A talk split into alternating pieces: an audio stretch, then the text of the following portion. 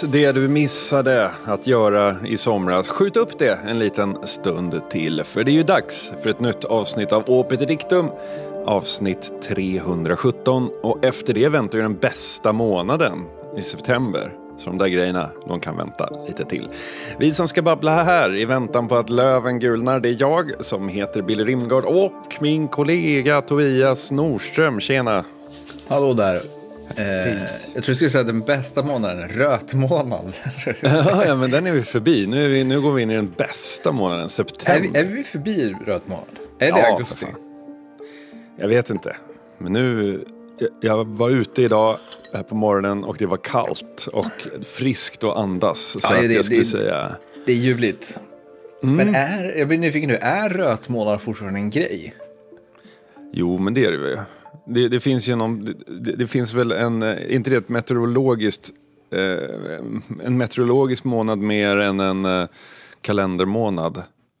Och den infaller sen, alltså så här, Är inte varje månad mer en meteorologisk månad eller en kalendermånad egentligen? jo, rent tekniskt så kanske. men, men vad heter det? Nej, men jag, jag tänker bara, det känns som också så här. Det känns som något som kanske dog ut när kylskåpet kom, men så pratar vi fortfarande om det eh, trots att det inte, inte behövs. Ja, men jag känner många som eh, jobbar i butik. Eh, och jag såg så här tweets från dem i, eh, åtminstone från två av dem, minns jag såg olika typer av tweets. Eh, i, eh, där någonstans runt den 14-15 juli någonstans. Eh, så bara, jahopp, nu börjar rötmånaden känns det som. Eh, håll ögonen på era kylskåpstemperaturer och så vidare. Eh, man bryter ju någon slags nedkylningskedja när, så fort man tar ut det ur butikens eh, kylskåp och ska ta det hem hit till eh, lägenhetens kylskåp. Och är det rötmånad så kanske man inte kan ta den där extra stoppet på vägen hem. Nej. Jag sitter här och jag bara, du vet, jag bara gissar och riffar men det låter jävligt smart ändå. Det här kan vara det mest ointressanta vi har pratat om i Oddballs historia, men en sak jag har varit väldigt inne på i sommar är dagpunkt. Berätta. Vad har du för tankar om dagpunkt? Nej men så här, eh, vad heter det? Jag har stört mig på att här, varje gång man öppnar kylen eller liksom tar ut någonting från kylen att det liksom ska rinna en liter vatten från den grejen. Och då lärt mig att det handlar om att det har varit senaste månaderna nu väldigt hög dagpunkt. Eh, så att så fort någonting liksom har, här, här, så här, nu vad är det nu, en och en halv vecka sedan någonting när det var jättevarmt senast, typ så här 28 grader varmt. Då, då var det ganska, då var det en extra hög dagpunkt, då var dagpunkten på 19 grader. Och det innebär alltså att allting då som är 19 grader eh, eller kallare börjar det bildas kondens på. Och då, är det ju, då inser man ganska snart att 19 grader är ganska varmt. Liksom. Eh, ky, kylen är ju betydligt mycket varmare. Så det räcker liksom med att man tar på det kallaste på kranen och slår upp ett glas vatten så börjar det bli kondens. Jag vet inte, det, det finns få saker jag inte uppskattar lika mycket som kondens. Jag älskar hur det här avsnittet börjar. Vi, vi pratar om om temperaturer i kylskåp och vi pratar om vårt hat mot kondens. Får jag istället då, vad heter det, ta det till ett ämne som kanske känns lite mer, eh, vad heter Oddpod. Eh, jag har lagt märke till en sak. Det vankas ju nytt Magic-set eh, alldeles här i dagarna. Och eh, Magic fyller ju 30 år. Eh, och då har man liksom gjort en grej då att det här nya sättet utspelar sig på någonting som kallas för Dominaria. Det är de, Magic utspelar sig på olika planes. Det är så man eh, förklarar då det här med att man ena, ena sättet kan ge ut kort som har liksom eh, alv to, eh, toning, framtoning och sen nästa gång så är det liksom lite cyberpunk. Men då har man liksom, man, det här utspelar sig på ett helt annat plane. Ett ganska smart sätt ändå för att bara skita i allt vad gäller en världsmål samman. Det är den mest så här, frisläppta eh, regeln tror jag. Men vi, vi är ett universum där allt är möjligt. Ja, Ja, förlåt, exakt. fortsätt. Eh, nej, men då, då har jag, lagt märke, på, märke till en grej som man ibland ser populärkulturella saker göra i marknadsföringen av det här nya sättet. Då. Det heter Dominaria United. Och då är det mycket så här formuleringar som “Go back to where it all started”. För då, då är Dominaria någon slags så här ja, men, en av de första planesen som utforskades liksom, och så vidare. Mm. Och det känns som att det är exakt det man gör när man får slut på idéer. Jag såg också i veckan att vad heter det, det, det läckte uppgifter om nästa Assassin's Creed-spel. Och då var det också så här, typ, det ska utspela sig i Bagdad, det första spelet utspelade sig i Mellanöstern. Eh, och så bara back to basics. Uh, really inspired by Assassin's Creed 1. Att så här, det, det, när man liksom så här, har köttat runt och härjat runt i massa, massa år med ett koncept så är det bara så här typ, vi måste hålla konceptet vid liv. För mm. det är så här, de i styrelserummet are counting on us. Eh, så då är det någon som till slut bara så här, jag har en idé. Ska vi gå tillbaka från början? Hur känner du när saker går tillbaka till från början? Om man var med i början så är det ju jättesvårt att värja sig. Var man inte med i början så är man ju nu, just nu när Dominaria United släpps så är man ju ganska trött på alla dessa content creators som ska spela in liksom känslosamma småfilmer om deras barndom och att nu är det dags att liksom möta Dominaria igen. Eh, sånt är ju kanske Ja, jag vet inte, det, det, känns, det känns lite som att så här, göra Batman Begins på något sätt. Igen. Mm. Hmm. Det, jag slog jag direkt på Batman Begins, om det var någon som sa, eh, eller så här, om, om, om super, superhjälte origin story som de är, let's go back to the beginning. Eh, det kanske de är. Ja, eller så är de mer liksom, jag vet jag, inte. Jag, jag, har alltid, jag har alltid tänkt på superhjältar så här, och det, det är ju någonting som alla stör sig på jämt, att så här, ja men så här är det origin story igen, bla bla bla. Men jag, jag har alltid liksom jämfört serietidningar väldigt mycket med liksom typ Shakespeare. Alltså så här, mm. inte för att det är samma kvalitet alltid på, på, på dramat. Men just att så här, det, det är väldigt, serietidningar bygger väldigt mycket på att alla vill göra sin grej av samma sak. Mm. Precis som att alla dramatiker har liksom så här, jag skulle kunna göra det här med Hamlet. Eh, eller jag liksom ser den här aspekten av Hamlet som jag vill sätta upp på scenen. Eh, så vill liksom säga, jag har en idé om en aspekt av, av Stålmannen som eh, jag vill skriva om och så vidare. Så det, det är ganska okej okay med det på något sätt. För, och jag tänker att det inte är det Let's Go Backward All Started handlar om. Eh, utan det känns som att så här, Going Back to Where It All Started eh, handlar om så här, två saker. Det är dels att man så här, då kan nolla allting. Man mm. behöver liksom inte förhålla sig till eh, allt det där som har varit på något sätt. För att man då ja, men som Assassin's Creed-fallet, man går back to basics. Utifrån det sen så kan vi bygga vad vi vill. Eh, om vi bara ska fortsätta trava på, då måste vi liksom här, tänka vad har de senaste tre spelen varit och liksom så här, utveckla det. Vi måste kanske så här, eh, vad var bra med det, vad var dåligt med det. Om vi går tillbaka till från början, då kan vi bara så titta på första grejen och sen utifrån det sen bara göra vad fan vi vill. Man måste gud förbjuda tänka nytt om man ska göra något. Exakt. Men och sen den andra grejen är just så här comfort-grejen som du var inne på. Alltså att så här, man, eh, man har gett upp lite grann. Alltså så här, mm. hur ska vi kunna sälja mer? Alltså hur, hur ska vi kunna komma på en ny grej som känns spännande? Det finns inga fler grejer. Då, då säger man liksom så här, ja, vi drar tillbaka till allt, allt börjar. Det känns som att, jag har inga bra exempel på raka men det känns som att tv-serier också har gjort det här eh, genom åren. Mm. Mm. Och, och det brukar oftast pitchas, alltså så här, i marknadsföring och så vidare så säljs det ju alltid going back to where it all started. Det är ju alltid eh, någonting man trycker på och som är ett säljargument. Det är liksom inte någon som försöker gömma det faktum att man bara så här nej vi kommer fan inte på något nytt i den här franchisen. Vi, vi backar bandet.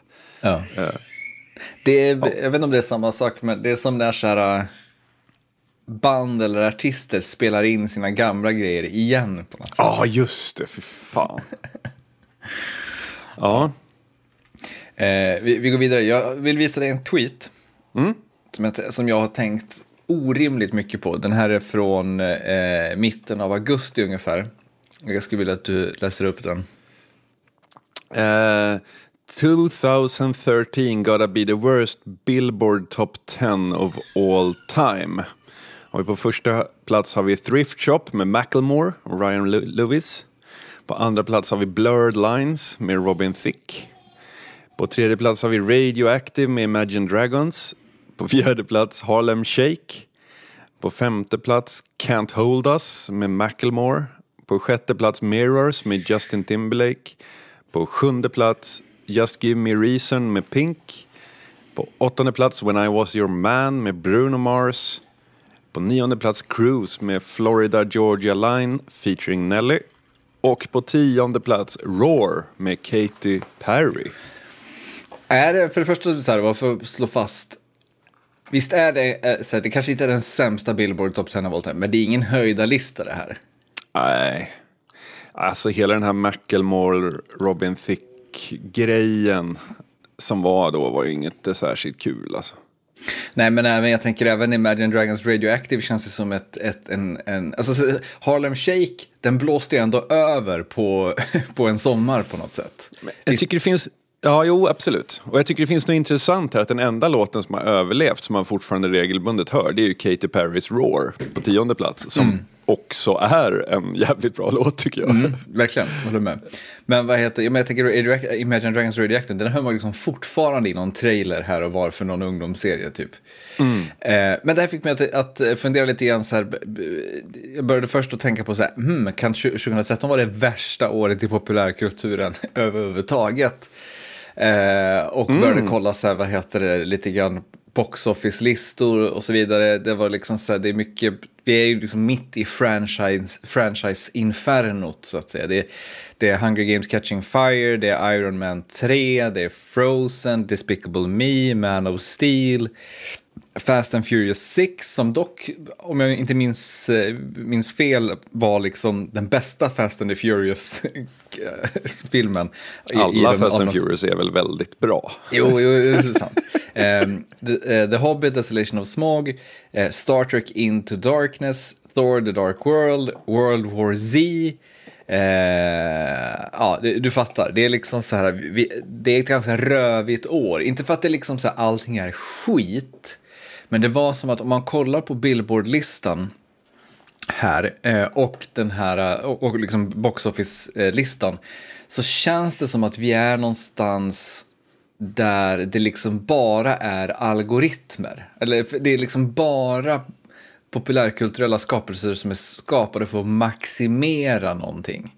Alltså mm. Blurred Line känns ju som en låt som är liksom byggd i ett laboratorium på något sätt. Mm. Det är liksom så här att jag vet inte hur många det är som har varit med och skrivit den, eh, men det är dessutom liksom olagliga samplingar från Marvin Gaye. Det är så här, tre stycken eh, profiler som täcker in tre tydliga målgrupper i Robin Thicke, T.I. och Pharrell Williams. Det är, vad heter det, en, en, en video med massa snygga tjejer. Det är liksom så här, det, det är ett monster, alltså ett Frankensteins monster till låt på något sätt. Och så lite eh, tvångs eller tjatsex på det. Exakt. Som tema. Eh, och jag tänker att det är liksom likadant med den här box office-listan. Det är liksom så ingen vill egentligen ha Star Trek Into Darkness, som ju också är en sån Let's go back to where it all began, för det är väl den som är, vad heter Khan, tror jag. eh, och liksom, så det, det, här är ju liksom rövigt. Och då tänkte jag så här typ, ska jag börja liksom hitta vilka andra år som skulle kunna vara det sämsta populärkulturella året? Men så blev jag så uppgiven av den tanken. Så att jag istället kände så här typ, nej, jag vill, jag vill ha er som lyssnars hjälp efter 2000-talet, vilket har varit det bästa populärkulturella året. Eh, mm. Och jag tänker liksom så här, här, här, är det fritt att argumentera. Eh, men jag tycker att det så här, det, man måste hålla sig inom någon slags mainstream-kultur. För det är ganska lätt att hitta liksom ett år där det kom ett, liksom, 20 bra skivor av massa pyttesmå artister och liksom 10 bra independent-filmer. Men man, jag vill liksom så här det är viktigt här vad som är liksom det allmänna medvetandet. Eh, så liksom skicka in år ni har gillat så ska jag också gräva efter liksom några favoritår hos mig också under, under 2000-talet. Eh, och se vad, vad vi landar någonstans. När var det som bäst? Jag tror jag har liksom en... Um... Jag tror 2013 där, jag tror jag vet, eller vet vet jag inte, men jag har en tes om varför det var så jävla lökigt. Mm. Och jag tänker att den gamla kulturen, alltså vi pratar popkulturen då, den gamla popkulturen där man liksom på ren feeling kunde starta upp ett Breaking Bad eller ett Sopranos för att någon autör hade en idé som någon köpte in på så här. Eller där man signade ett band som hade bara så här kvaliteter utan att veta så här, om de skulle kunna make it eller inte. Det, det, vet du vad det är? Det är liksom så här, tiden när det fanns en cigarrrökande chef någonstans så, som sa She's gonna be big, she's gonna be huge. exakt, exakt. Den tiden är förbi. Den, alla vet, fattar att så här, så här kan vi inte producera kultur längre för vi kan inte tjäna massa pengar på det. Men eh, där det de nya grejerna hände på typ Soundcloud och sånt. Där tittade inte skivbolagen, för de var ju fortfarande fast i sina mönster och hela branschen var ju programmerad efter den. Radion spelade bara musik som kom från Universal, men Universal bara, vad ska vi göra? Hur ska vi, hur ska vi kunna ge ut någonting? För det här är ju liksom, det, det går ju ganska fort där när de börjar typ söka efter rap på Soundcloud och hittar hittar så här Weekend och eh, Kendrick Lamar och alltså sådana eh, sådana artister, då går det ganska fort för hela liksom, näringskedjan att ställa om på något vis eh, till att också omfamna smalare grejer. Att så här, aha, vi kanske måste bevaka den här fyra, serie, äh, fyra avsnitts miniserien som vi hade skitit i några år tidigare för att det, det var inte en stor premiär på HBO. Typ. Mm. Men, Men det här är precis också... i skärningspunkten. Ja, jag, jag håller helt med. Men kan det också vara, alltså, det här är också skärningspunkten där på något sätt de stora, för, för, stora populärkulturproducenterna börjar mer och mer skita i det där. Alltså att så här, man tänker att 00-talet var liksom fyllt av en stress att försöka hänga med. Man mm. liksom så här, när dubstep blir stort, då ska man vara on top, on top of dubstep på något sätt. Men man lyckas inte riktigt. Så här, mm. det är liksom här, som du säger, så börjar man så här hamna på efterkälken. Men också mer skita i vad som händer på Soundcloud. Alltså man får liksom så här, låt Soundcloud, låt dem hålla på där. Och sen kan vi liksom stå på andra sidan. Och liksom ja. bara så här, kolla så här, vad fick en miljard lyssningar på Soundcloud? Kendrick, hej, kom in här. Alltså så här, det, det, jag tänker att det, det, det, är liksom någon form av så här, och för sen i liksom the boardroom så är det liksom safe bets only som gäller. Oh ja. det, man är inte längre intresserad av, jag har en ny förmåga på Soundcloud, utan så här, det är ju typ Macklemore istället. Mm. Precis, eh. för det var det bästa man kunde skrapa upp när man inte begav sig till till där det faktiskt hände så att säga. Ja. Hörru, jag håller på att läsa, eller jag har precis läst klart en bok um, som heter How High We Go In The Dark av eh, Sequoia Nagamatsu. Och det är en jag plockade upp den. Jag plockade upp den för man ville läsa en skön virusrökare. Det uh, var ingen skön virusrökare, det var en uh, otroligt tung skildring av eh, viruspandemin. Inte vår, inte vår pandemi utan en fiktiv. Men det var eh, det var liksom skönlitteratur med eh, känslorna som kommer med skönlitteratur. Det var inte flyga runt i någon skön army chopper och bekämpa virus, outbreaks. Eh, Men är tiden så. förbi för den storyn nu? Jag, jag tänker säga... att här, när, när, vi fick pandemin då, fick vi, då lärde vi oss så här, eh, narrativet i folks hjärna nu, när man tänker pandemi, så tänker man liksom inte pesten eller ebola. Utan man Nej. tänker sitta hemma och må dåligt över att man inte får träffa någon i två år. Jag kan och, säga att How High We Go In The Dark Eh, där handlar det inte bara om att sitta hemma utan det var mörkt. Nej, det, precis, det, det förstår jag. Men jag menar, jag menar så här, kommer alla, liksom, alla virusstories vara kodade av att man bara här, inte liksom är så sugen på dem för att det, det kittlet är borta? För man vet att så här, det, best, best scenario så sitter man hemma och mår dåligt. Worst scenario så, så är det bölder som poppar typ. Mm, precis.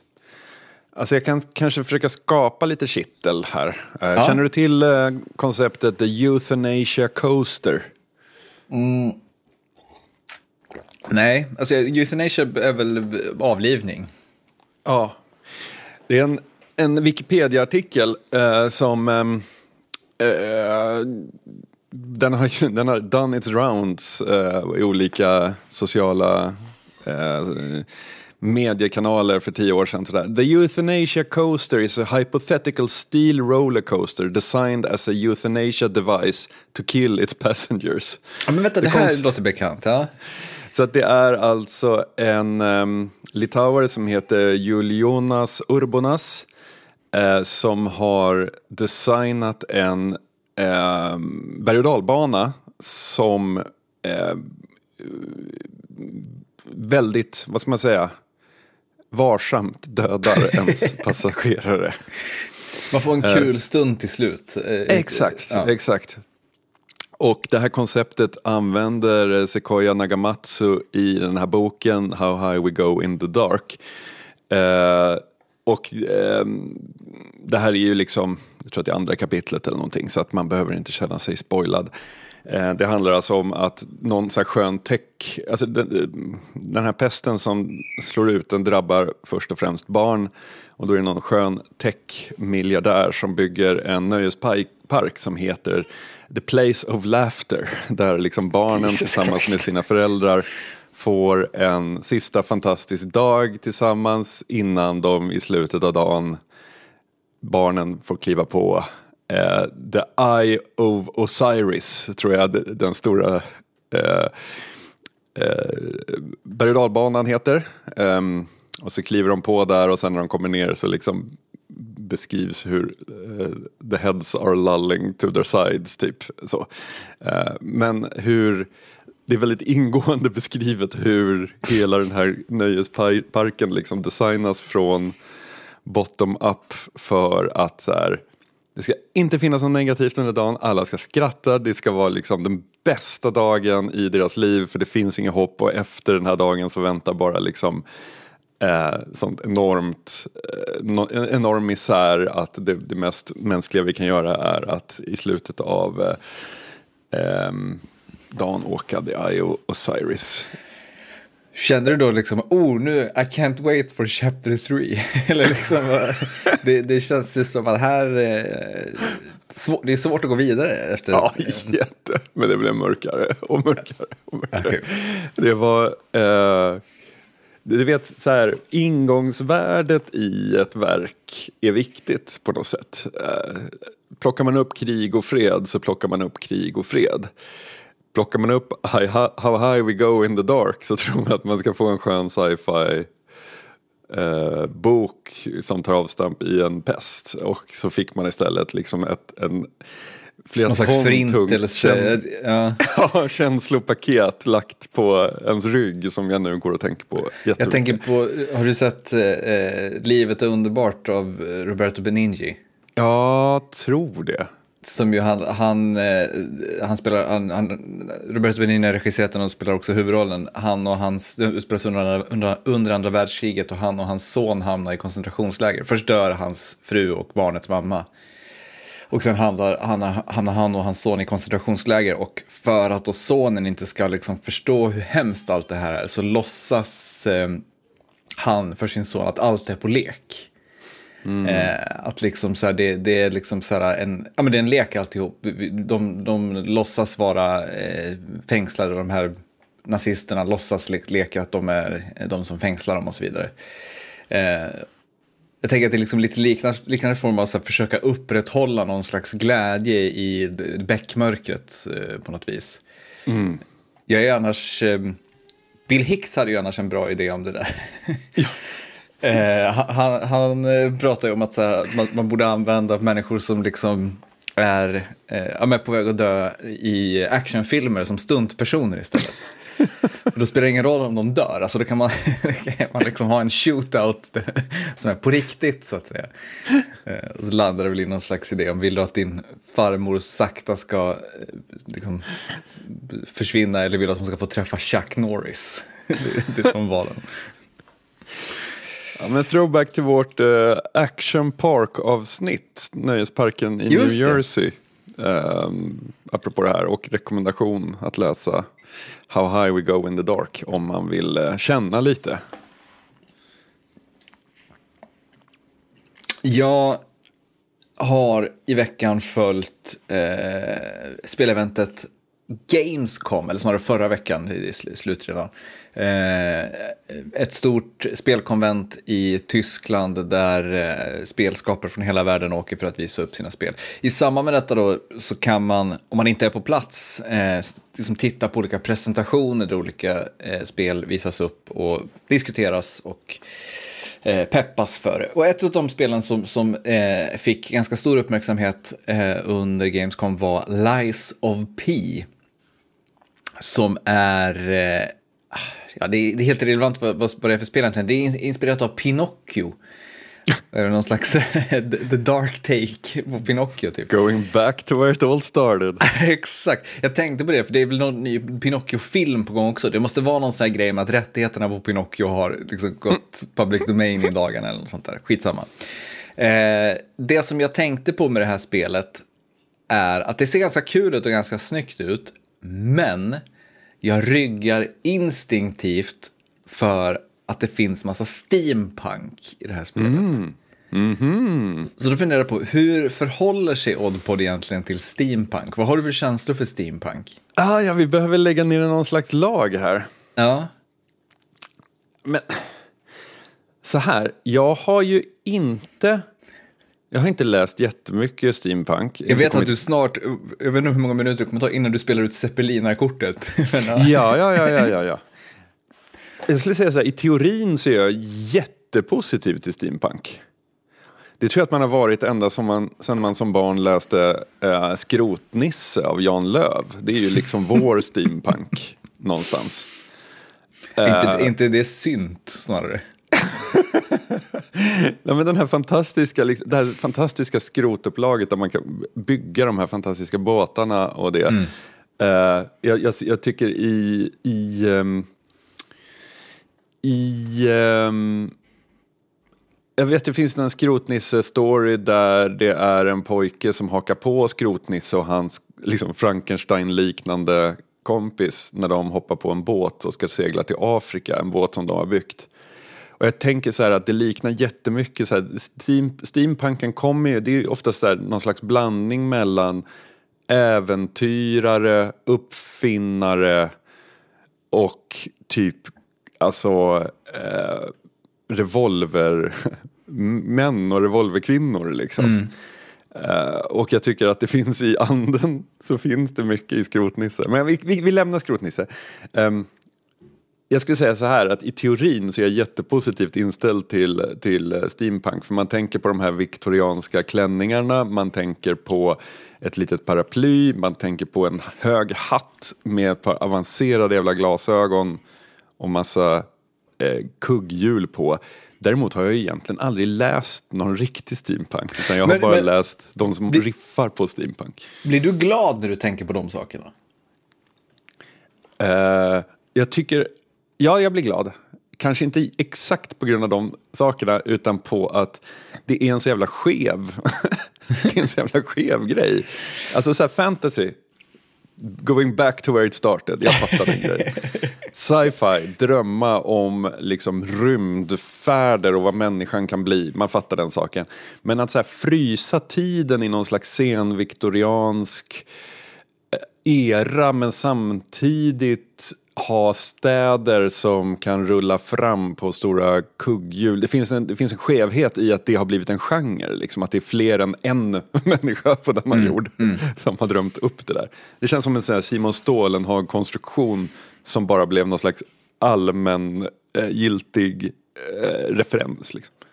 Men jag, för det, för det jag kan ha liksom så svår, det jag, jag, det för jag har svårt för med steampunk är just det där du beskriver, den, alltså den viktorianska estetiken och liksom drömmen om den. Alltså jag har, precis som du, inga problem med konceptet och liksom gillar i, i grunden eh, många av de bilderna du beskriver. Men det är liksom när det blir sammantaget och kodat av de här britt, det här brittiska Eh, de här brittiska koderna och den brittiska stilen eh, så är det liksom någonting som får det bara att kännas som liksom lite så här slirig maskerad på något vis. För det är också någonting med att det är en jag gillar ju liksom historiskt den epoken ganska mycket. Just för att det är liksom där någon slags tro på teknologin börjar födas. Det, liksom, det sker mycket, mycket som är kul eh, i, i det världen där. Eh, men det är liksom just det här när man sen då tar den, det, det, det, man tar, det, man, man förvanskar science fiction med fantasy på något sätt. I att det, det, det är liksom,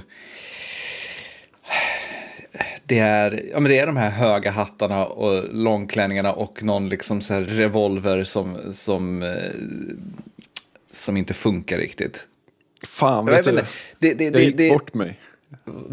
Berätta. Jag satt här medan du pratade så att jag funderar på när jag kom i kontakt med steampunk första gången och varför jag gillar det när jag inte liksom läser det eller så. Och vet du vad jag tror? Jag tror att allt går att spåra tillbaka till videon för Smashing Pumpkins Tonight Tonight. jag tror fan det är där. Jag, jag, är, så, jag är så färgad av, ett, av liksom en, ett gymnasieminne. att jag sitter här och drar min lans för steampunk. Eh, ja, det, så kan det vara. Men för jag tänker också att det finns någonting så här. All, eh, på ett sätt är jag liksom av den fasta övertygelsen att allting blev bättre efter de två världskrigen. Och inbyggt i steampunken så finns en idé om att nej, det var bättre innan de två, första, de två världskrigen. Eh, att det finns liksom en, en, en ganska sunkig romantik där på något sätt. Och sen är det liksom så här, på ett sätt kan man ju liksom anklaga kan man tänka så här, steampunk är liksom bara en idé om att vad hände ifall teknologin, teknologin på, på 1800-talet togs i en helt annan riktning tack vare liksom hur man kunde använda ånga och annat. Kul, kul tanke. Det är liksom så här, exakt samma sak som om man tänker att så här, uh, the golden age of sci-fi eller så här, fallout, där man tänker att så, vad hände om vi hade, hade bara utvecklat atomkraften överallt. Mm. Eh, hur hade samhället blivit då? Det är liksom samma sak egentligen. Men jag gillar liksom det som sker efter andra världskriget mycket mer på något sätt. För att det är eh, mindre romantik i det på något vis. Eh, och det är väl kanske det som jag har lite svårt för med steampunk. Gud, svårt. Jag känner det, det, det, det undflyr mig att, att så här, hitta exakt vad det är det är liksom så drama, drama kids gillar steampunk på något sätt. Eh, och jag har inget emot drama kids så, men det, det är någonting så här i de stora gesterna. Fast var det inte Nej, stora gester då? Alltså jag tänker så här, det, det, är ändå, det är ändå en härlig tid som det stammar ur. Alltså jag tänker eh, Dracula, eh, Sherlock Holmes, eh, upptäcktsresande till Antarktis. Alltså det händer ju mycket kul som liksom sätter en, äh, sätter liksom någon slags avtryck till eftervärlden av vad den liksom, epoken var. Sen att allting utspelar sig i liksom högre adliga kretsar om man inte ser smutsen och så vidare. Det, det är helt fine. Men, det, ja, men där, har, där har du någonting. Det är på något sätt att det är allt det där befriat från smutsen. Alltså det är smutsen som finns i... Alltså det intressanta med den här eran historiskt är liksom att om man kollar på, på Dracula och Frankenstein och liksom de väldigt, väldigt så tidiga berättelserna eller, eller Sherlock Holmes så rör de sig i smutsen. Mm. Eh, det är, alltså Jack the Ripper väntar alltid runt gathörnet så att säga. eh, men, men, i steampunken så, så, saknas det där ofta.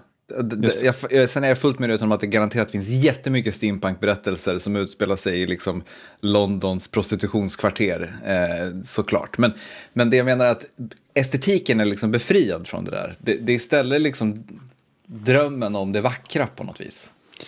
Men jag, jag committar till, om det finns någon sån grim dark steampunk bok. Nej, tips, du ska läsa liksom något, något som är steampunk. Inte, den, inte the dark take, så att säga. Utan det... ja, men det är den jag är intresserad av kanske. Ja, jag fattar. Ja, vi får se. Men, men, eh, men du, du, du liksom vill deklarera att steampunk är sämst? Eller vad, vad, jag vet, vad, jag, så när jag gick in i det här så var jag helt säker på att vi skulle landa i att Oddbod är mot när det kommer till mm. steampunk. Men nu är jag inte helt, jag är inte helt hundra. Jag vet inte, jag vacklar ja. Men jag är nog för det i teorin. Eh, men sen eh, i praktiken vet jag inte eh, om det är så kul. men ja, apropå ehm, apropå tid, så bara, jag hade en liten tanke kring, eh, jag såg House of Dragons. Eh, vi pratade ju om vilka tv-serier vi skulle se och jag sa att förmodligen är House of Dragons den enda jag kommer se och exakt så har det blivit. Ibland förutspår man precis vad som kommer hända, är det inte otroligt? Och jag tänkte så här, jag tycker House of Dragons hittills är en helt okej, alltså en helt okej serie. Eh, men det var någonting jag körde fast på. Och det är i början, första sekunden av avsnitt ett. Då är det liksom 200 år före det ni tidigare vet. En skylt som säger någonting i det stilen. Jag vet inte exakt vad det stod, men 200 år tidigare utspelas det här. Och grejen är att allt ser ut som det gjorde i, i Game of Thrones. Um, någonstans, alltså så här, Det var ju skönt att de kunde återanvända scenografin så att säga. exakt, exakt. Och man tänker, min första tanke var 200 år, borde inte något ha hänt på det? Eh, kanske också lite för att man har läst eh, Joe Abercrombies senaste trilogi där hans fantasyvärld har nått in i den industriella revolutionen och det var väldigt roligt att läsa den. Eh, men så tänkte jag, va? 200 år tidigare och det är fortfarande så här. Alltså det, det, det är ingenting som är sämre, men det var heller ingenting som var mycket bättre i Game of Thrones. Jag tänker olika typer av läkekonster eh, eller traditioner eller någonting. De, de har liksom tuggat på under de här 1200 åren. Men sen tänkte jag att man kan ändå köpa det för att medeltiden gick ju inte jättefort. Alltså mellan typ år 1000 och år 1200 så händer ju inte jättemycket. Det är någon som uppfinner en kompass typ. Men det är liksom that's it. Nej, men om man ska vara ärlig så kan det ju, alltså från romarrikets fall typ, eller Ja, från liksom 500-talet 1500. till 1500 händer väl inte supermycket. Alltså det, det är klart att det händer en massa saker, men det är inte som att liksom, när vi pratar, gå tillbaka, när vi pratar steampunk, gå tillbaka till 1800-talet tills nu, Nej. så är det ju liksom två väldigt radikalt olika samhällen på ett helt annat sätt än vad 1500-talet och 500-talet är. Absolut. Och jag menar 200 år efter 1400 typ. Så är ju 200 år svinmycket för att det händer så jävla mycket grejer. Men innan 1400 så, ja, man kan köpa att det, det står stilla i princip. Um, och så började jag tänka på det där med, med science fiction. Och fick mina, eh, liksom, tankar lite bekräftade när jag läste How, we go, How High We Go In The Dark. Eh, där ska jag däremot inte spoila. Men så här, om en, en rymdresa. Så här, vi ska resa någonstans. Det tar hundra år att re- göra resan så vi söver ner oss.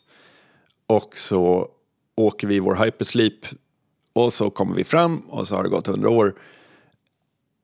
alltså på de hundra åren, om, om säg att vi, vi lämnar jorden år 2300 och är framme år 2400. På de hundra åren kommer ju så här svin mycket ha hänt. Det kommer ju vara som att det liksom att det kommer några sådana här viktorianska personer i höga hattar och eh, krinolinkjolar och bara Hej, nu kom vi fram och alla bara skrattar åt dem. Ah, ha, ha, ha. Ni har legat och sovit i hundra år. Ni, har- ni har missat att vi numera är helt eh, AI-styrda cyborger. Typ. Um, och när jag började tänka på det där då funderade jag på, har hela liksom gör tidsaspekten att hela premissen för all sci-fi där man färdas länge och långt eh, gör det premissen ogiltig? Ja, det, alltså så här, det är ju någon slags realistisk mening av det, men sen finns det ju sci-fi som brottas med just det. Jag tänker på en bok som kom 2015 av Kim Stanley Robinson som heter Aurora, till, den, som jag verkligen kan rekommendera. Jättekul läsning. Den utspelar sig på ett rymdskepp då som har eh, eh, liksom lämnat jorden. Eh, den har massa så här biomer på sig. Det är, liksom, det är en ark typ. Det, det, mänskligheten, någonting har hänt på jorden. Mänskligheten måste söka sig till en annan planet. Och då har man liksom hittat en planet långt, långt bort. Som man då har skickat iväg den här, det här skeppet eh, med. Man har lastat ombord massa människor, djur, biologisk fauna och annat. Som man då tänker att man ska ha med sig eh, som underlag på den här nya planeten. Och så börjar liksom berättelsen då, jag tror att det är typ så 200 år in i framtiden när de börjar eh, närma sig. För då är det som att på det här skeppet då så är det, om jag inte minns, om jag inte minns helt fel, så är det att vissa människor är vakna.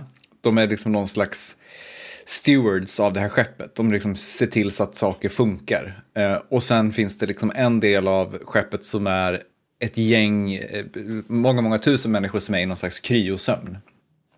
Och i berättelsen så följer vi en av dem då som är vakna. Och jag tror att det, är så här, det har liksom passerat då fem, sex, sju, åtta generationer ombord det här skeppet eftersom att de har varit borta så länge. Och det har liksom även lett till att tack vare vissa så små skillnader i gravitation och annat på, på det här skeppet så har liksom men, de här människornas biologi börjat förändras lite grann. Eh, men framför allt så har ju liksom, som du är inne på, idén om varför de lämnade jorden gått förlorad. eh, de, de liksom så vet att någonting har hänt eh, och de vet liksom att så här, det här, vi är hoppet på något sätt. De vet liksom vad the, the, mission statement är, men de tror ju inte på det på samma sätt som man gjorde när, när liksom resan avgick. Det, och det, tänker det är ju liksom ett, ett exempel på det man verkligen brottas med just den här problematiken. Men det är också så här, det går ju inte att brottas med den fullt ut på något sätt för att vi är så kassa på att tänka på tid, tänker jag. Mm. Alltså om du tänker så här, om man så föreställer sig i huvudet tio år så kan man liksom på sin höjd känna att det har gått tio år. Men att så föreställa sig vad, hur hundra år känns är ju liksom omöjligt. Att, att föreställa sig liksom tusen år är, liksom, det är jätteabstrakt. Eh, mm. Och det är därför det liksom också inte går att föreställa sig de här liksom rymdexpeditionerna och så vidare. För att vi, vi har liksom fullt sjå med, med att tänka livet hur det ska vara till, ett halvår fram på något vis. Eh, men ett, ett, ett, exempel på där liksom man snubblar över den här problematiken men, men inte hanterar den så bra. Du minns ju i Aliens exempelvis. Mm. När eh, eh, Ripley har kommit tillbaka till jorden och hennes liksom så här, barnbarn är liksom gammal. För att Ripley har då driftat runt i kryosömn i massa, massa år. Det är som att så här, då, det, det, är ju en grej som känns liksom rimlig men som också öppnar upp. För det, det presenteras ju som någonting så här som att Ripley bara ah, shit, har all den här tiden passerat? Men samtidigt är det så att om det här är ett universum där folk ligger i kryosömn och åker kors och tvärs genom galaxen för att jobba i gruvor på, på asteroider och andra planeter så borde det här vara småpotatis. Det här borde liksom hända hela tiden. Mm. Eh, att, att folk hamnar, liksom, går om varandra tidsmässigt på något sätt. Men det, det, det liksom, bryr sig ju inte filmen om därför att man inser att så här, då, då blir det här någonting helt annat. Eh, ja, jag vet inte om det var det, det, det du tänkte på, men... Jo, och sen så efter det så tänkte jag att gud vad skönt med fantasy där allt bara är som det alltid har varit. jo, men också tråkigt ju. Ja, alltså, jo. Det, det, blir ju en, det blir ju liksom tvålopera då, för att det bara pågår liksom. Det finns ja. ingen, ingen förändring av ordningen på något vis. Nej, det är sant. Eh, men vad tycker du om House of Dragons annars då? Jag tycker att det är bra. Um, jag, jag, kommer ihåg någonting som du sa när vi började titta på vanliga Game of Thrones en gång i tiden. Då sa du man kom för drakarna, man stannar för Falcon Crest. Och problemet är att man visste också här, man utgick ifrån att det var Falcon Crest. Så att det här, det här hårda politiska manövrerandet kom ju inte direkt som någon överraskning utan och, det tänker jag var en förlust för, alltså så här, det var en vinst som Game of Thrones gjorde att man tänkte att nu blir det en fantasy-rökare. Så bara, nähä, okej, okay, det var inte det, det var någonting helt annat egentligen. Eh, samma, man blir inte överraskad på samma sätt här, men jag tycker att det är bra. Alltså det, det är ju... Eh, jag vet inte, alltså det är ju heller inte så här wow vad bra det var. Utan det är väl snarare så här, ja ja, det här, det här kommer jag följa. Men för jag tänker, en sak som jag är nyfiken på, jag har inte hunnit kolla den, men, men en sak som jag är nyfiken på är ju ett starkt liksom, drivmedel i Game of Thrones. Eh, då, jag har liksom läst halva första boken, inga av de andra böckerna, så det här kanske liksom inte alls är samma problem eller upplägg i, i, i, i, i böckerna. Men i tv-serien i alla fall så är det ju väldigt tydligt med att det finns liksom så himla tydliga eh, långa linjer så att säga. Vi har liksom vem ska sitta på the Iron Throne. Vi, vi har Eh, the White Walkers, liksom hotet i norr som, som, eh, eh, som liksom är på väg att, att vakna. Vi har eh, liksom de här, i Jon Snow och, och mm, Khaleesi har vi de här liksom två figurerna som, som ganska snart visar, är det tydligt att de är liksom någon form av arvingar eller de som ska ta världen in i framtiden och så vidare. Finns det den här typ, ett problem med en prequel som House of Dragons kan jag tänka mig liksom att man vet vad som kommer hända på ett sätt. Eh, men finns det de här liksom övergripande hoten, de här, det här bränslet för intrig så att säga? På något? Det var en lite lättare tid i Västerås. Det var lite mindre komplicerat. Det var innan The Mad King och sånt. Eh, men jag tycker så här, de försöker inte göra om samma grej. Nej. Jag försöker de inte, utan det här är liksom en annan Men en finns annan det ett story. mysterium någonstans? Liksom? Finns det någonting som man så vill ha svar på? Eller, uh, du förstår vad jag menar? Eh, inte ännu på det sättet, men det ligger saker och puttrar definitivt. Mm. Det gör det. Ja. Jag är bara nyfiken på liksom vad, så här, utöver då så här, maktkamp, vad är konflikten här? Vad, vad, är liksom, vad väntar man på ska hända eh, på något sätt? Eh, men, men. Det får vi se, kanske. Yes. Jaha, eh, Utopicirkeln Mm. går in på sin tredje installation. Din andra? Andra installation. nu, nu har han tappat det helt.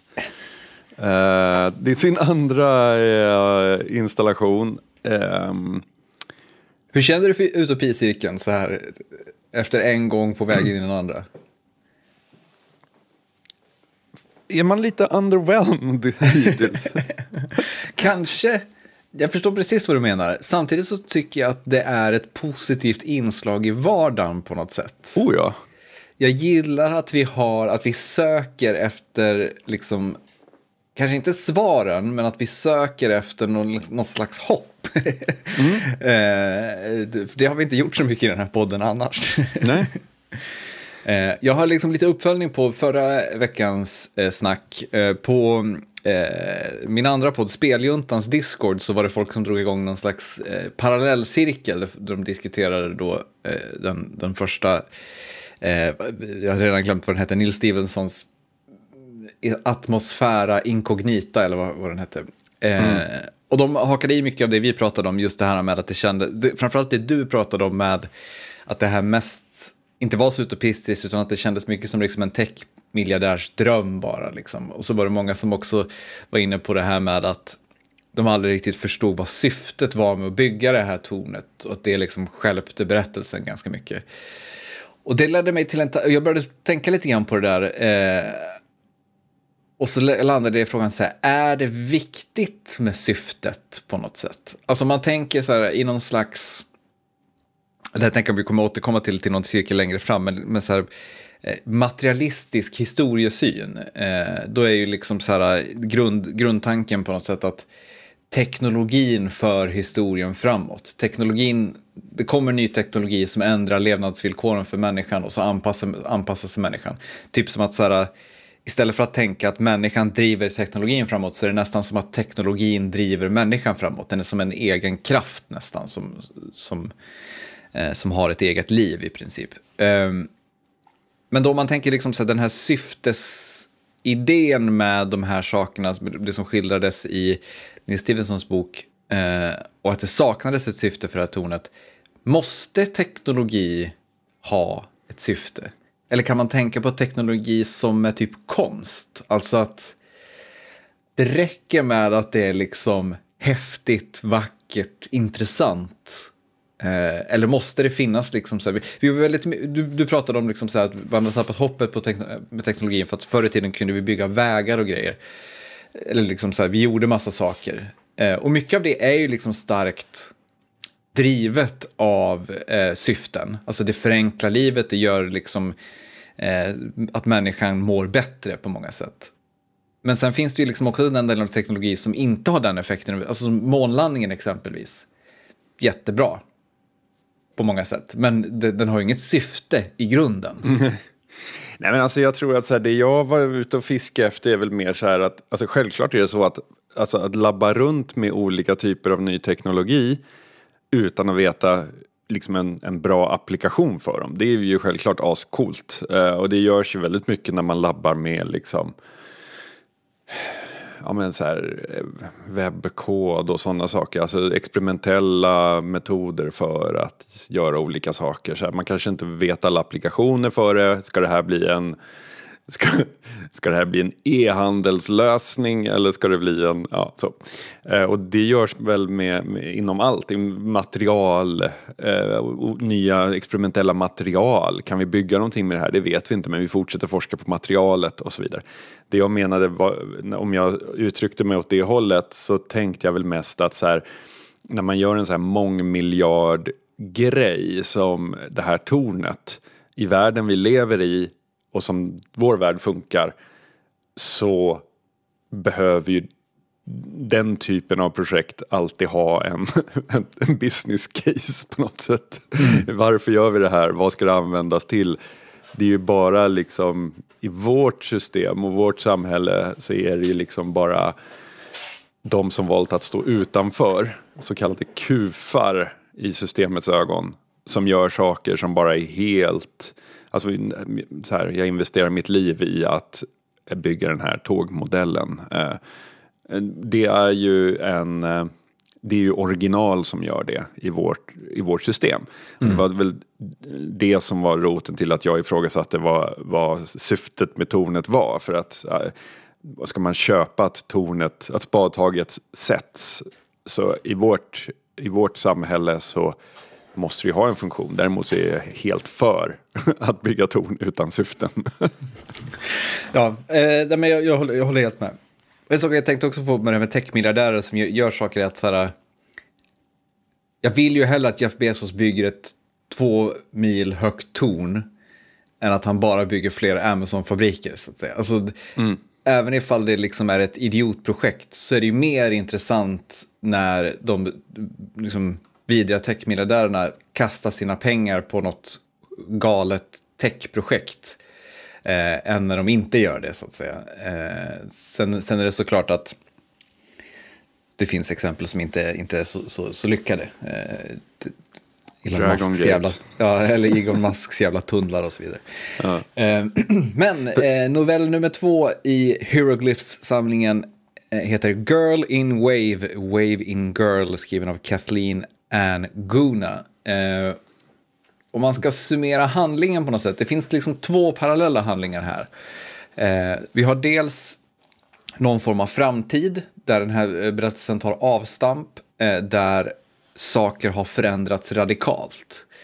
Eh, framför allt på, eh, tack vare, eh, eller på grund av, det vet vi inte riktigt, eller mest tack vare verkar det som, eh, genmanipulering av, av människan. Eh, Eh, och det verkar vara som att den här framtiden är väldigt, väldigt utopistisk. Det, är liksom så här, det handlar mycket om att eh, skildrat ur ett barns perspektiv eh, bara hitta sin plats i världen. Typ. Sen är allt möjligt eh, och, och, vem du ska vara i världen är liksom det enda som är problemet. Eller man ska säga. Hon vill ha gälar eftersom hon eh, vill bli bra på att surfa och alla andra som surfar har gälar. Ja, och det är framförallt en värld där människan... Jag fick vibben av att man har liksom övergivit religioner och istället så är man helt inne i någon slags teknologisk eller vetenskaplig syn på världen. Det här barnet pratar om att här, när hon tittar på havet så känner hon nästan liksom matematiken eh, i mm. vågorna och så, liksom de fysiska egenskaperna av världen är liksom det som är magiskt snarare än någon form av liksom skapelse inom citationstecken. Men sen då så eh, i det här barnets sökande efter vad den ska vara i världen så får hon eh, ta del av någon form av origin story för den här världen utifrån sin mentors eh, barndom där hon då i någon form av VR-variant tar del av hennes minnen när hon då genmanipulerades och blev... Eh, hon hade dyslexi och vad, heter det när man inte kan matematik? Jag har redan tappat ordet. Eh, Dyskalkyli. Dyskalkyli, precis. Eh, och genomgick någon form av nanobehandling, vilket fick hennes hjärna att sluta vara dyslektisk och eh, kunna räkna och allting. Och då förändrades livet när den här rörelsen kom. Hon var en av de första barnen i världen som gick igenom det här. Och det blev liksom som en global rörelse där man eh, skulle ta bort, eh, man skulle göra så att alla i hela världen blir läskunniga från tidig ålder. Och det i sin tur leder till ett, ett förändrat samhälle eh, i, i grunden på något sätt. Eh, vad tyckte du om Girl in Wave, Waving Girl? Jag tyckte jätte, jättemycket om den. Uh, I början tyckte jag den var seg. Men sen när poletten trillade ner, att just det, här sitter hon och tjatar på, kan inte jag få göra gälar? Precis som eh, min, min äldsta vill ta hål i öronen typ. Uh, kan inte jag få göra gälar? Um, och hennes mentor sitter där och flaxar lite långsamt med sina vingar medan hon sitter och berättar. Så att vi har liksom, att, att ha vingar eller att vilja ha gälar är liksom helt normalt i den här eh, världen. Och klipp till att det som är truly science fiction är läskunnighet. Alltså så här, jag älskade det, det perspektivskiftet. Att från det här drömmiga, stora eh, fantastiska, fantastiska som kanske är det vi pratar om när vi pratar om science fiction. Att därifrån klippa till liksom en sån självklarhet för oss att folk lär sig läsa, vilket absolut inte är en självklarhet. Eh, och att här, den banbrytande teknologin är att vi kan hjälpa folk att läsa. Uh, jag älskade det perspektivskiftet, jag, liksom när poletten trillade ner att aha, just det, att, att utrota illiteracy det är också science fiction. Liksom, vi pratar om att utrota malaria eller att hitta på en cure for cancer men just det, läskunnighet ja. Mm. Den är lätt jag, att tappa bort. Jag gillade också det jättemycket. Eh, och det var nästan så att jag kände i den här eh, storyn att det var liksom synd att den var en novell. För det var som att det, det, det ägnas liksom ganska mycket tid åt den här eh, ja, mentorns barndom eh, när det här experimentet, eller vad man ska kalla det, görs. Eh, och de erfarenheterna. Och sen så hastar man liksom eh, genom samhällsförändringen som följer efter på något sätt. Ja. Eh, och det var nästan så att jag tyckte det var synd, för det känns som att där fanns det så otroligt mycket intressant att utforska på något vis. Eh, för det, var det, det, det är liksom den enda kritiken jag har med den här storyn, är ju liksom att den är lite grann, löser vi det här så är alla problem lösta. Eh, och så kanske det är, men, men det, jag blev bara så här liksom att, vi säger då att alla blir läskunniga, så är ju liksom problemet vi ser bara idag, vi kan trycka på en knapp och så är alla läskunniga. Så är problemet fortfarande liksom tillgång till information. Även ifall information finns överallt tack vare internet på ett sätt som vi aldrig har haft i, i världshistorien så är ju liksom den här tanken då på att så här, om vi bara kan läsa så kan vi ta till oss alla idéer, vi kommer liksom frigöra oss från förtryck för att vi kommer liksom förstå att det finns alternativ etc. etc. Vilket ju ändå är liksom den underliggande tanken här på något sätt så är jag bara så här, hur händer det i praktiken? Hur, hur får människor som är, liksom, lever i ett, ett samhälle format av en, en, eh, en dogmatisk religion eller vad det nu är, hur förändras de tack vare att folk helt plötsligt kan läsa andra verk? Jag menar, folk i de här samhällena kan läsa i, i viss utsträckning andra verk idag också. Eh, varför förändras de inte då? Och så vidare. Så jag kände liksom att det fanns otroligt mycket intressant att utforska i just den tanken på vad händer med världen när alla blir läskunniga som, som man var tvungen att hasta förbi lite för att det var en, en novell. Men, men, jag håller med om att det var en väldigt intressant eh, idé. Och sen så finns det ju någonting så här det här är, det här är alltså, vad, den här behandlingen som hon får som när hon har dyslexi och dyskalkyli. Det är någon slags kombination av där nanotech och neurovetenskap möts för att stimulera hjärnan att hamna i någon slags eh, st- stimulera inlärningscentra så att säga. Alltså att man, man, man får en deeper learning, eh, större, alltså, ja, koncentrerad inlärningsprocess på något sätt. Det är alltså inte att man bara så här, stoppar in ett chip och så kan man ett nytt språk. Utan Det är, handlar lite, att- det, är, det är lite tjack också. Ja, exakt. Men det jag direkt tänkte på, det här är utopin. Att liksom, vi ger det här till de som har det svårast och de kommer att catcha upp och eh, eh, kunna lära sig på, på, på egen hand. Det jag tänkte på var att skulle man upptäcka det här så tror jag att vi i vår värld skulle ge det till de som redan är bäst för att göra dem ännu bättre. Det skulle vara stjärneleverna, de eh, nästa Einsteins, för alla skolor vill ha genier på sin alumni.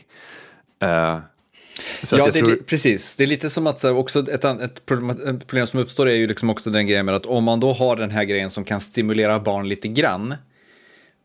Det skulle ju också föda definitivt idén om så här, hur mycket kan vi stimulera barnen? Hur smarta Ja. kan vi göra barnen? Alltså hur långt kan vi, kan vi, kan vi dra det här? För det är ju liksom ett, en sån, så är vi som människor. Inte bara, det, här- det handlar liksom inte bara om vårt samhälle. Men om vi kan göra saker lättare och lite bättre för oss så vill vi också maximera det. Hur mycket bättre kan vi göra det? Och så vidare. Så det är liksom lite orimligt att liksom vetenskapen i den här berättelsen tänker sig vi kan lösa den här grejen, vi kan göra barnen lite smartare och göra så att de kan läsa, men så stannar vi där. ja, Eh, där nöjer vi oss och sen så låter vi samhället förändras och utvecklas eh, tack vare det och sen kommer folk vilja ha gälar och vingar. Eh, riktigt så skulle det ju kanske inte bli, men, men det, det, det kan vara okej kan jag känna. Eh, det, det, det är väl liksom så här, den underliggande grejen här är väl egentligen bara jag tänker att det här är en allegori för vad skulle hända om alla barn fick gå i skolan typ. Eh, det är ju en, en, en intressant take. Och jag tänker att ur ett teknologiskt perspektiv så är ju den här idén om vilka missar vi eh, intressant. Alltså så här, vilka som skulle kunna göra de stora upptäckterna kommer aldrig få chansen att göra dem. Eh, de, de har liksom intellektet och allting för det, men de kommer aldrig kunna liksom uppfinna botemedel mot cancer för att de kommer liksom aldrig få en utbildning över- överhuvudtaget. Det är ju liksom ett sånt här eh, klassiskt, man vet om man pratar mycket om det inom matematiken, att det finns liksom massa matematiska genier där ute som aldrig kommer få räkna. De kommer liksom ha hjärnorna som kommer kunna bryta ny mark inom, inom matematik, men som liksom, i och med att de aldrig kommer komma i kontakt med avancerad algebra så kommer det liksom aldrig bli någonting. nej. Ja, men den var ändå en... Um, eh, jag, eh, liksom jag fattar nu eh, den här hieroglyftanken, utopispåret. Eh, att en utopi behöver inte vara Starfleet utan en utopi kan börja på en ganska liksom modest nivå och få extremt stora konsekvenser. Gillar Verkligen. också, en annan tanke i den här är ju att varje barn har ett individuellt lärande med, tank, med hjälp av de här mentorerna och sånt. Det tycker jag ju låter eh, fantastiskt. Mm, verkligen. Eh, det, det, jag, det var, så här, överlag, så här, man blev inte förvånad när man läste efterordet och eh, man inser att hon som har skrivit den här är liksom pedagog och eh, liksom drivit Montessori-skolor i USA och sådär. Eh, det kändes, kändes fullt rimligt. Men det känns som att vi är helt överens om att vi tyckte bättre om den här än om den, den inledande novellen. Oh ja, 100 procent. Det står inte i vårt körschema vad del tre är. Vilken Del- ville? Ska jag, Ja, till, till ska nästa jag trampa gång. vatten tills du har hittat? Ja, jag har plockat fram den här. Till, till nästa gång så läser vi By the time we get to Arizona av Madeline Ashby. Eh, By the time we get to Arizona alltså. Låter som en så här, vad heter det, eh, countrylåt. Jag började direkt tänka på By the time my head gets to Phoenix av Peter Bruntnell. Den lite eh, egna singer-songwritern som jag ska lyssna på nu. Eh, efter avsnittet kände jag ett stort kall för. Men det blir, ja. Jag vet inte varför, men jag började tänka på 20 hours far, 24 hours from Tulsa. Men, eh, Ja. det känns, ja. Ehm, yes, den läser vi till nästa gång i Utopicirkeln. Alltså. Med det så är Oddpod slut för denna gång. Ja, stötta oss gärna på Patreon. Eh, det gör man om man går in på patreon.com slash oddpod. Så kan man stötta den här verksamheten. Så Det hörs vi om... uppska- uppskattas man om man gör det. Verkligen. Så hörs vi igen om eh, två veckor då. Det gör vi. Ha det fint. Ha det fint. Hej då.